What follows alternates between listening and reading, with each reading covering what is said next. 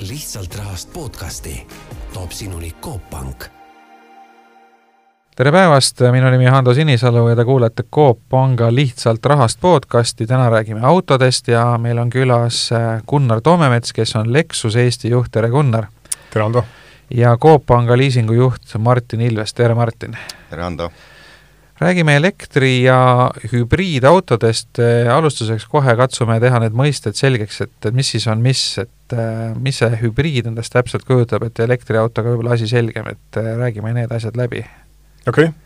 et ma teen võib-olla siis otsa lahti, et, et me mõistame siis erinevalt, on siis hübriidauto, mis tähendab seda, et tal on sisepõlemismootoriga autol on siis juures elektrimootoriga hübriidajam,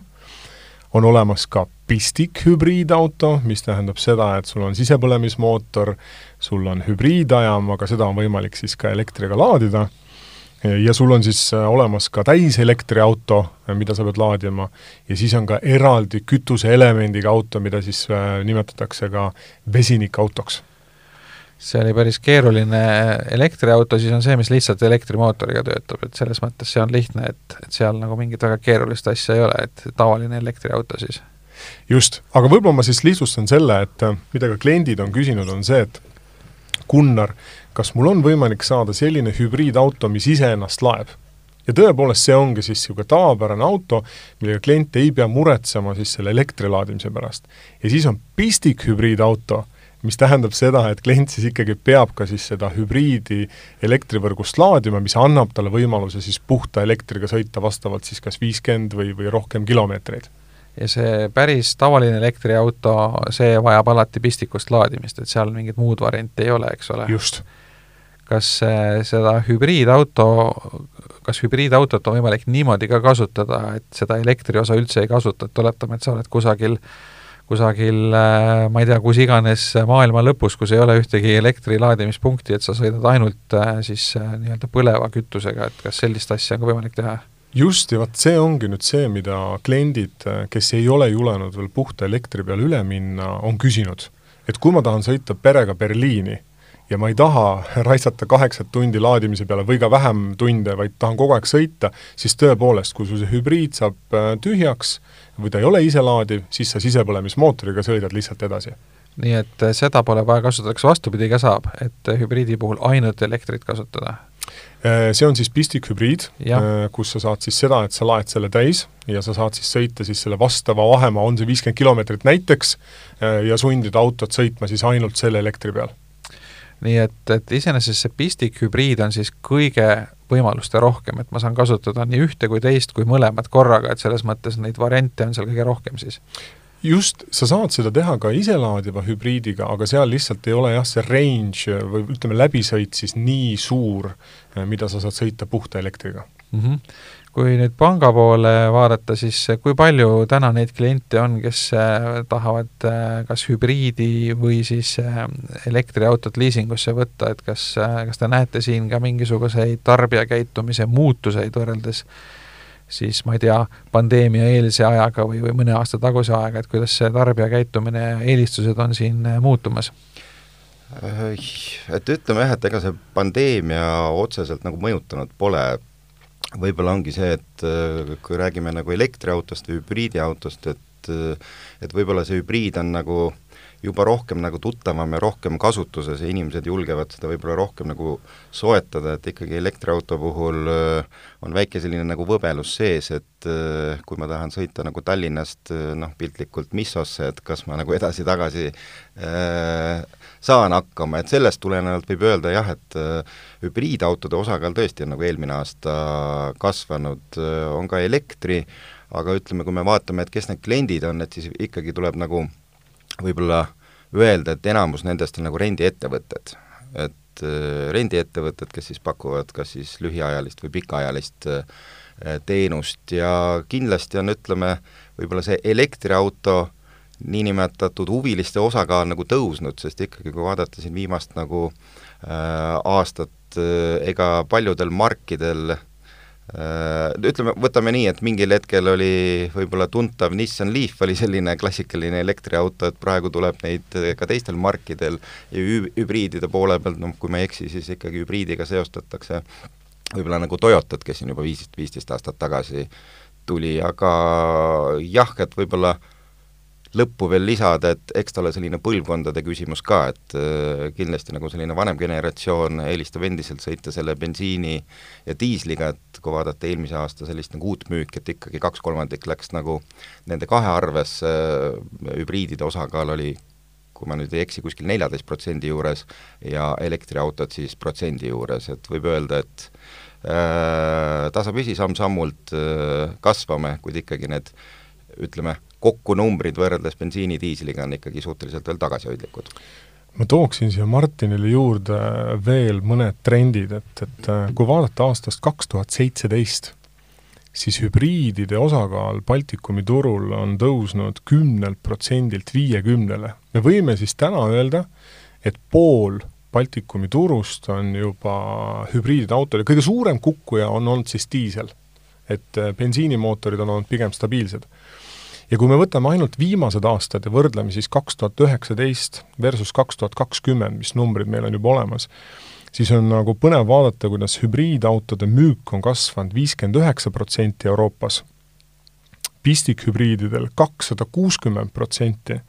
ja puhtalt elektriautodel sada seitseteist protsenti ja vastavalt siis nii bensiin kui diisel on olnud kukkumises. nii et see on väga selge trend hübriidelektriautode suunal, küsimus on lihtsalt, et kui kiiresti me siis liigume ja kui suure osakaalu need autod võtavad. kas see tarbijagruppide või, või siis profiili mõttes on ka mingisuguseid äh, üldistusi võimalik teha, et kes see äh, kes see tüüpiline hübriidi või pistikhübriidi või elektriauto ostja on, et, äh, et Martin siin mainis, et, et see on nagu natukene läheb vanuse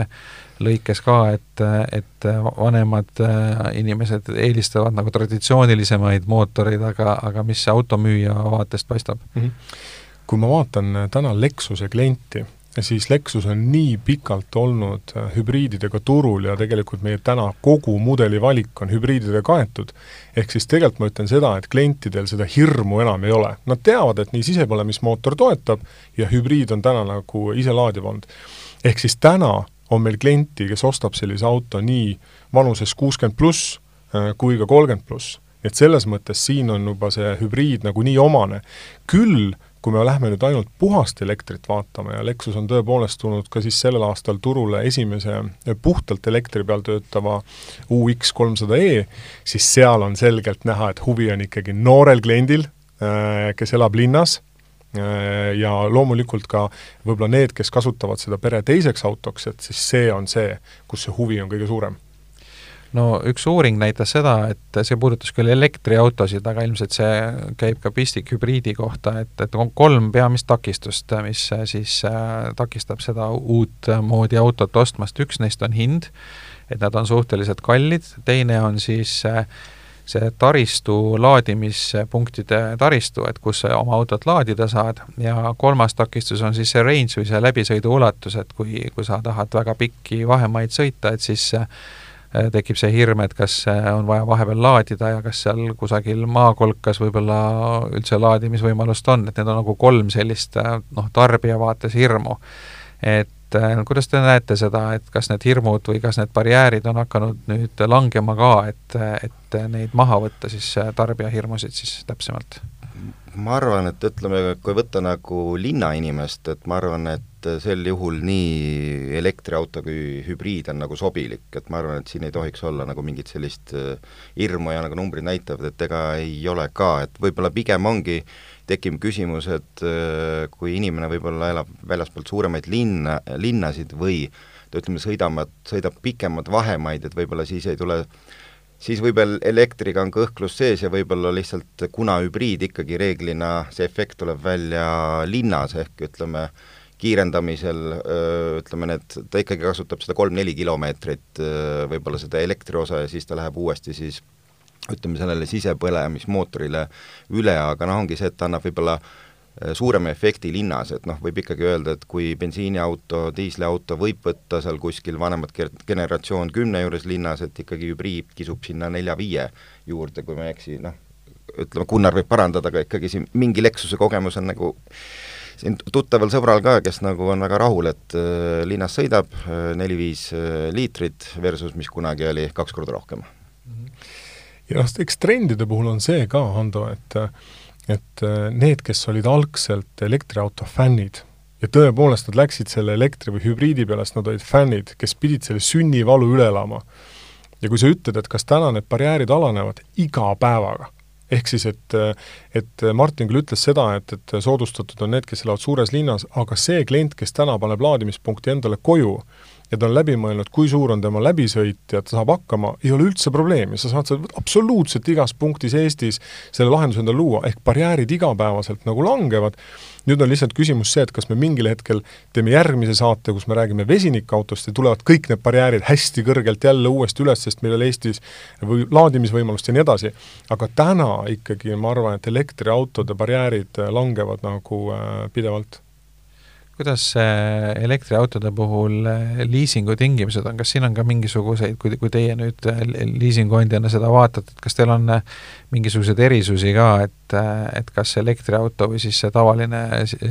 sisepõlemismootoriga auto või hübriidauto, et, et kas siin on nagu üks või teine variant kuidagimoodi eelistatud või siin vahet ei ole? Ütleme jah, et mingid konkreetsed äh, numbrid võib-olla ütle, et eks me ikkagi vaatame noh, liisingu puhul nii klienti kui nagu autot, et kas kõik oleks äh, ilusasti nagu kooskõlas, aga noh, kuna trend on ikkagi roheline, et siis me pakume siis tingimuste osas ikkagi sellist alumist otsa, et, et eks ta ongi lihtsalt suund, mis tuleb äh, kaudselt peale, noh, ütleme roheline, et ütleme, ta ei ole nagu enam nagu sõnakõlks, et ega see suurem nagu mure ongi Euroopas ka transport ja kliima ja eks me ikkagi tahaksime ka nagu omalt poolt äh, panustada sellist mõtteviisi, millega nagu ütleme, loodust võimalikult vähe äh, negatiivselt mõjutad. Ja kui võtta nagu jah, et kui võtta nagu, nagu varade mõistes ka, et kui siin võib-olla noh, kümme aastat tagasi kunagi olid võib-olla hirmud, et kaua see nagu aku vastu peab või mis on nagu selle auto järelturu väärtus viie aasta pärast, et noh, täna me ikkagi vaatame nii hübriidi kui elektriautot, et on sõiduk nagu igagi nagu teine, et ütleme, seal nagu sellist äh, hirmu nagu ei ole, et et, et tegemist on nagu mingi see eriskummalise varaga, et on ikkagi no vot, selle järel, järelturu vaatuse, väärtuse kohta ma tahtsin kohe küsida, et, et siin on ju mõned klassikalised autod siin no kas või see VAZ kakskümmend üks null üks, eks ole, et meil on veel alles inimesi, kes oskavad seda une pealt ise parandada ja, ja põhimõtteliselt äh, nii-öelda kruvikeeraja ja näpitsate ja traadi abil on võimalik see nagu sõitma jälle panna, et nüüd, kui me mõtleme äh, selle viimase tehnoloogia sõna järgi tehtud näiteks pistik hübriidauto peale. esiteks, see tehnoloogia areneb meeletu kiirusega edasi. et kui ma nüüd täna ostan selle auto, et mul on nagu võib-olla see kahtlus, et aga, aga äkki natuke vara, et äkki ootaks veel natuke, läheb veel paremaks ja ostan siis, et et võib-olla viie aasta pärast see mis see noh, keskmine liisinguperiood, oletame, ongi seal mingi kolm kuni viis aastat, et et sel-, selle aja peale on, on see tehnoloogia juba lootusetult vanaks läinud ja ja, ja, ja võib-olla keegi ei tahagi enam seda, see on nagu nii-öelda vana põlvkond. et mis te selle peale arvate? sa tabasid selles mõttes väga olulist nagu punkti, et, et äh, kaks aspekti. esimene see, mis sa ütlesid, et tõepoolest kruvikeerajaga see sinna külge ei lähe, et see on nagu üks asi. ja teine on see, et ma arvan, et paralleeli võiks tuua mälupulkade ja kõvaketaste mahutavusega. ehk siis, et iga aastaga see nii palju, see mahutavus suureneb nende hübriid- ja elektriautode puhul, et noh, mida me peame jälgima, on see, et, et kui klient soetab selle auto ja nelja-viie aasta pärast soovib realiseerida, et lihtsalt see aku on nii mitu põlvkonda maas, see mahutavuse poole pealt, et äh, selle auto realiseerimine võib olla natukene keerulisem, kui me räägime puhtalt elektriautost. kui ta on hübriidauto, siis äh, see ei ole see risk võib-olla nagu nii suur. nii et selgelt ma arvan, et iga aastaga me näeme siit, et nii, sa mainisid barjäärina range'i, et see nagu kogu aeg suureneb, mahutavus suureneb ja et äh, need eelmiste põlvkondade autod kahjuks ei pruugi olla turul nii atraktiivsed. siin võib-olla ongi see, et ega kuidas see numbrid kajastavad ka, et kuidagi nagu minu arust selle elektriauto ostja võiks ka nagu lahterdada, et esimene grupp on see, et kes seda nagu südamest nagu fännavad ja nad võtavad ja nad ei karda nagu mitte midagi ja siis võib-olla nagu see teine teine pool, kes natuke juba nagu arvutab seda praktilist poolt, millest me hetkel rääkisime, et et ikkagi, kui vaadata nagu eelmist aastat, et Porsche Taycan oli ka minu arust üks selline päris kõva nagu müüginumber, et e-, ega ta ongi see, et elekter luks-, luksusklassis on samuti nagu suhteliselt nagu populaarne teatud markide juures, noh, rääkimata Teslast, et mis, mis kohati nagu siin, et, et see pole auto, et see on pigem nagu selline usk äh,, usk millegisse enamasse kui autosse. aga, aga ikkagi noh, kui mõelda seda äh, ka, ka, ka seda auto omamise sellist kommet või tava, et, et noh, bensiiniautode puhul või nende klassikalise sisepõlemismootoriga autode puhul oli ju niimoodi, et noh, enam-vähem kui sa seda viieks aastaks liisisid, sa enam-vähem kujutasid ette, et noh, viie aastaga noh, okei okay,, disain läheb väheke moodsamaks, aga mingit väga olulisi tehnoloogilisi läbimurdeid seal ei, ei ole sündinud, et noh, mingisugused mingisugused mugavusasjad, igasugused äh, navid ja autopiloodid ja muud sellised asjad seal tulevad juurde, aga noh, põhimõtteliselt ikkagi see auto on nagu enam-vähem samasugune. et nüüd selle hübriid- ja elektriautode maastikul on see tehnoloogia areng nagu hoopis teise kiirusega. et kas siin on ka ette näha nagu selliseid äh, tarbimis- või omamismudeli muutuseid, et noh, et äh, ma toon siia paralleeliks näiteks telefonid, et et noh, Eestis see pole võib-olla nii levinud, aga suurtel turgudel nagu USA-s äh, näiteks iPhone'i enam keegi ei osta endale, et ta lihtsalt nii-öelda rendib selle operaatori käest ja iga aasta vahetab selle välja uuema mudeli vastu, et see põhimõtteliselt käibki niimoodi, et et, et sa ei osta endale seda kallist äh, vara nii-öelda pikaks ajaks, vaid sa rendid seda ja siis äh, saad osa sellest tehnoloogia arengust iga, iga siis mis iganes see tsükkel on, on see aasta või kaks või natuke rohkem, et kas te siin ei näe mingisugust sellist põhimõttelist äh, mudeli muutust tulemas?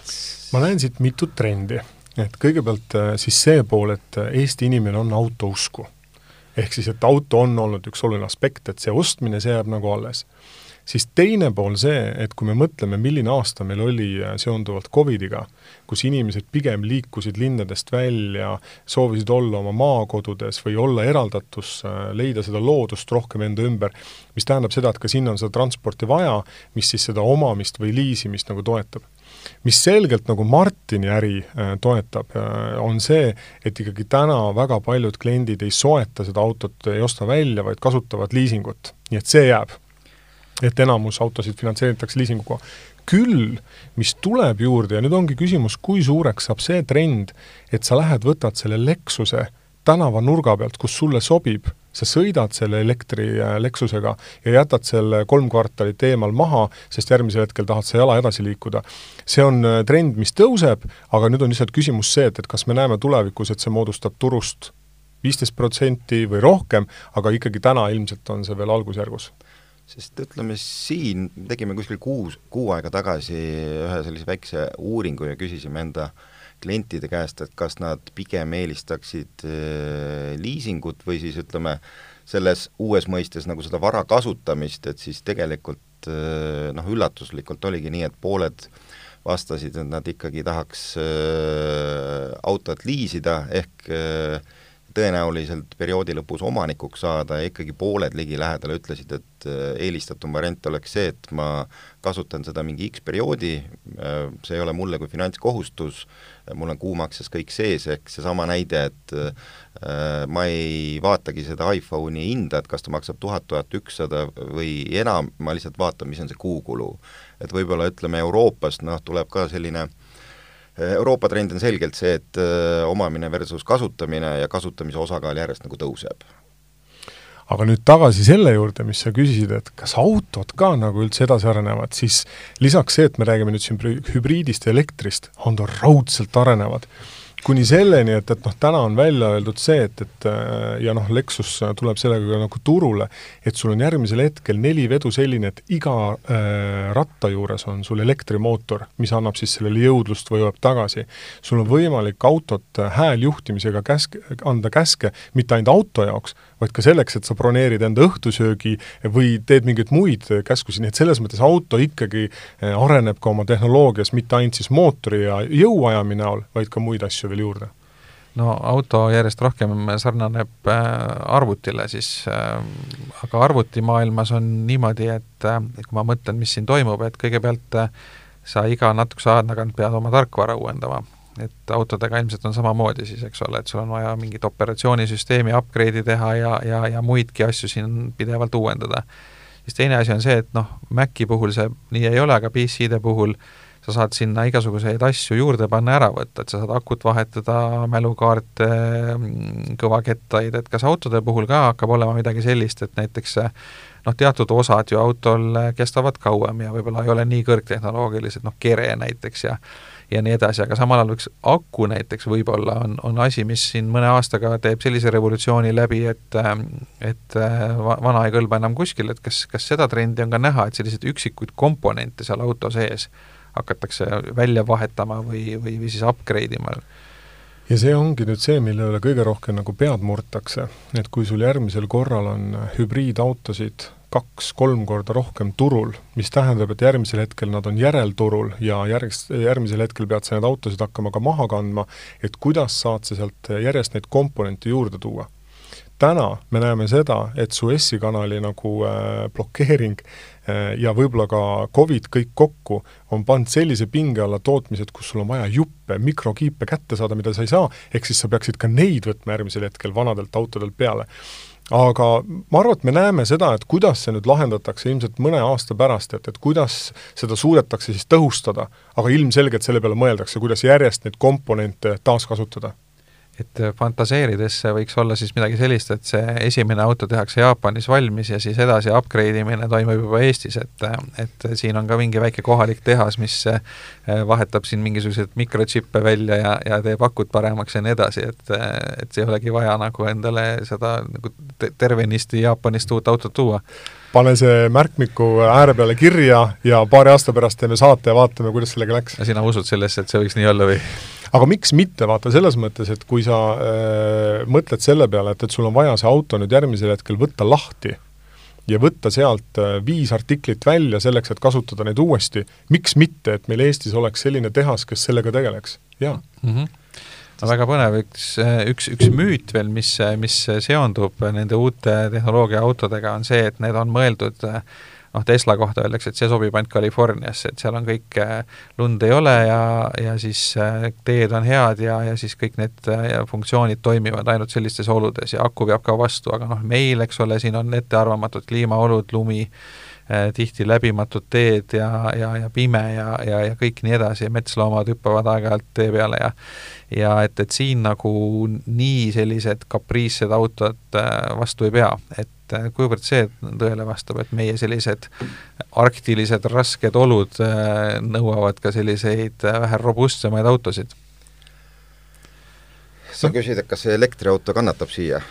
No ma kaudselt Sõitma. tahtsin küsida seda jah, et kas see üli, ülikõrgtehnoloogiline auto, millel on kõik eh, need moodsad asjad, eh, isejuhti, ise, isejuhtimised ja, ja, ja, ja sellised akud, mis võib-olla miinus kolmekümne kraadiga ruttu tühjaks lähevad ja nii edasi, et kas nad nagu meie oludes on ikka, see on lihtsalt üks müüt või üks selline hirm, mis tarbijal on, et et meil on ikka vaja siin labi taga aeg-ajalt seda autot kuskilt porist või lumest välja kaevata ja siis äh,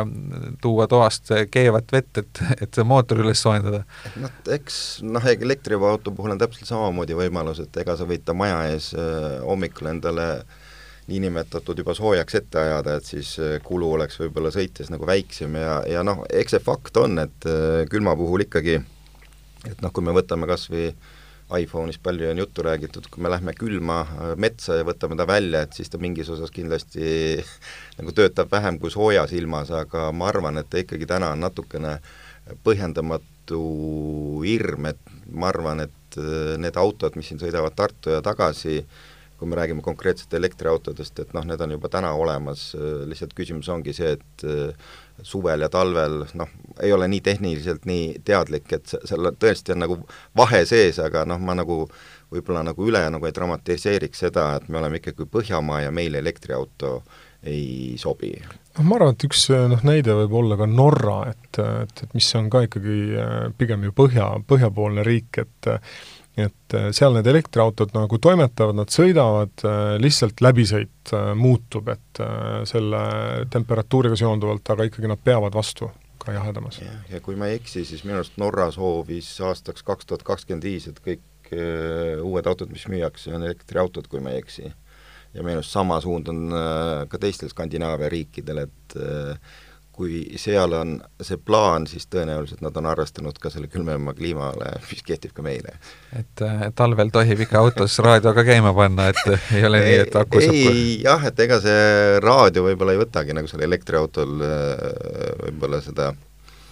ei aja kulu üles, et noh, see on see üks müüt, noh, mis on visa kaduma, et see pärineb ilmselt sellest ajast, kui need esimesed Mitsubishid tulid sotsiaaltöötajatele ja siis räägiti seda, et ega kojamehi ja raadiot korraga käima panna ei saa, et siis äh, ei noh, aga ikka selles mõttes sellel müüdil on ka tõepõhi all, et noh, et äh, niipea, kui sa elektriautol äh, kliima vajutad sisse, on see siis nii suvel või talvel, noh, sa koheselt näed, kui palju see sinu läbisõitu mõjutab, nii et selles mõttes ta mõjutab, aga sellega peab lihtsalt arvestama. Ma arvan, et kõige parim, kõige parem ütleme, variant, et nende hirmude äraajamiseks on see, et lihtsalt ise proovida ja katsetada, et on see kehtib nii elektriauto kohta kui ka nagu hübriidi kohta, et ega see oma kogemus võib-olla ongi selline äh, kõige parem äh, isiklike järelduste nagu tegemiseks, et kindlasti on see, et mina, ma arvan, et minu isa kindlasti sõidab elu lõpuni manuaalkastiga ja äh, bensiiniautoga, ma ei hakkagi talle seda uut tehnoloogiat nagu rääkima, sest ta on selles, ta on sellega rahul mis tal on, aga kindlasti on see, et et ütleme, noorem põlvkond, et nad tahavad katsetada, nad tahavad proovida ja no võib-olla altimad eh, erinevate variantide osas see proovimine jah, ma, ma enda kogemusest võin öelda seda, et tegelikult kaks asja, mis äh, nii-öelda bensiiniauto roolist istudes ümber äh, nagu rabavad alguses, on, on kiirendus ja, ja siis see, kui vaikselt ta sõidab, et see oh,, et need on nagu tegelikult sellised asjad, et sa nagu ei, ei usu alguses, et see, et see niimoodi võimalik on, et äh, üks asi veel juurde, mis nüüd ka sellele uue elektrise Lexuse puhul on imekspandav, on see, et kuna tal siis äh, elektriauto akud on kõik siis äh, istujate all põrandas, mis tähendab selle, et selle auto raskuskese on veel madalamal ja keskel, et sul tekib selline kupeeliku auto sõidukogemus veel sellele meeletule kiirendusele juurde kurvides, nii et, et äh, kindlasti proovige. jah, sest ütleme, auto, eks ta on prakti-, praktiline vahend jõudmaks punktist A punkti B, aga ütleme, kui selle raames nägu läheb naerule, siis see on väärt jah, see emotsioon on, on hästi oluline, mis te prognoosite, et äh, millal see meie turul see läbimurre võiks toimuda, et äh, et ütleme, see murdepunkt, kus äh, siis uue tehnoloogia autosid müüakse, müüdakse rohkem kui vana tehnoloogia autosid, et ütleme siis konkretiseerides nii, et elekter ja hübriid kokku moodustaks üle viiekümne protsendi müüdud uutest autodest aga nii, nagu ma ütlesin, et me oleme selles mõttes äh, selle juba saavutanud või sellele väga-väga lähedal, et nii paljud brändid on toonud äh, juurde hübriidi, pistikhübriidi ja nagu elektrit, mida me juba mainisime, nii et mina ütleks, et me oleme selle juba kas juba saavutanud või kohe-kohe käes. sest ütleme, kui on võimalus, et kui ikkagi vaadata juba nagu lihtsalt äh, näiteks bensiinimootori auto hinda või siis võtta juba nagu hübriidiga, et mis nagu ajas on paremaks läinud, et ega see hinnavahe ei ole nagu selline äh,, seal ei ole väga suurt kääri, et ikkagi kui võtame siin mingi sellise enim kasutatud äh, linnadžiibi ja vaadates kuskilt hinnakirjast, et mis maksab bensiin ja hübriid, et siis tegelikult seal ei ole nii, et üks maksab kakskümmend, kolmkümmend protsenti rohkem, et juba selline vahe vahe on suhteliselt minimaalne, et, et ta võib-olla tasub proovimist, sest kui plaan on ikkagi autoga sõita ja seda näiteks eriti nagu linnas ja ütleme, see kilometraaž on suur, et siis noh, pigem hübriidi kasuks tasuks nagu otsustada, kuna vahe on kahekordne kütusekulus. just, ja noh, ainult mis on võib-olla siis kallim, on see, kui sa vaatad pistikhübriidi või elektriautot. jah, seda küll, sest ja eks ta ongi see, et võib-olla see, mis kindlasti tulevikus aitab kaasa, et võib-olla täpselt samamoodi, et ega need müüginumbrid on olnud suuremad, kui on riigipoolne äh, toetus äh,, kui hinnad võib-olla lähevad natukene allapoole, sest kui vaadata ikkagi nagu seda Eesti inimest, et ega see võib-olla selline uus auto, kui vaadata mahtu, et ega see hind jääb ikkagi sinna kahekümne, kahekümne viie tuhande euro juurde ja noh, ütleme sellised elektriautod ikkagi kipuvad sinna veel kolmega algavat, äh, aga noh, tõenäoliselt mingil hetkel tekib see hetk, kus hinnad ühtlustuvad ja mingi hetk tõenäoliselt ka see, kus elekter on odavam kui bensiin, diisel. No neid tasuvusarvutusi ma olen näinud eri, erisuguseid, aga, aga üldiselt ikkagi ühel hetkel äh, saabub see punkt, kus äh, kokku liites siis auto soetuse hind ja siis tema kasutamise kulu, siis, siis need elektri- ja bensiiniautode nii-öelda hinnad võrdsustuvad, et, et ma ei tea, mitu aastat see siis täpselt aega võtab, kui see kütusekulu võit tuleb ja kui suur see läbisõit peab olema, aga, aga ühel hetkel ta saabub, et mis teie kogemus ütleb, et kuidas see tasuvusarvutus praegu välja näeb, et et noh, või teha Lexuse kahe võrreldava mudeli puhul, et kui, kui võtta siis äh, tavaline bensiinimootor ja näiteks äh, pistikhübriid sama mudeli puhul, äh, siis ma ei tea, kui suur see läbisõit peaks olema, et, et see hind võrdsustuks? Äh, ma saan sulle vastata mingi aja pärast, sest meie elektri, täiselektriline auto jõudis turule circa kuu aega tagasi. nii et me oleme praegu tegelenud ainult sellega, et rahuldada klientide huvi, et nad saaksid seda autot proovida, mis tõesti on olnud hästi-hästi kõrge. et olen saanud ühe väikse sutsu ise teha, aga nüüd see, mis puudutab tasuvusarvutust, et, et se-, seda täpsemalt äh, saame veel analüüsida ja selle juurde tagasi tulla, aga ilmselgelt äh see kütusekulu rahalises mõttes on nagu nii palju väiksem, et see saabub aga mitme aasta pärast täpselt ja kuidas, siis seda peame arutama noh, kui, kui me vaatame seda, mis suunas poliitikategijate mõtted liiguvad, siis ilmselt äh, on üsna loogiline oletada seda, et fossiilsetele kütustele muudkui pannakse makse juurde tulevikus ja ilmselt elektri, eriti rohelise elektri puhul on äh, subsiidiume järjest rohkem tulemas, nii et, et kui, kui nagu seda loogikat kasutada, siis ilmselt, ilmselt see hetk saabub juba üsna varsti, kus elektriauto või, või siis hübriid, pistikhübriidi kasutamine on, on kokkuvõttes soodsam aitäh kuulamast, stuudios olid Martin Ilves, Coop Panga liisingu juht ja Gunnar Toomemets, Lexuse Eesti juht, mina olen Hando Sinisalu ja head päeva kõigile!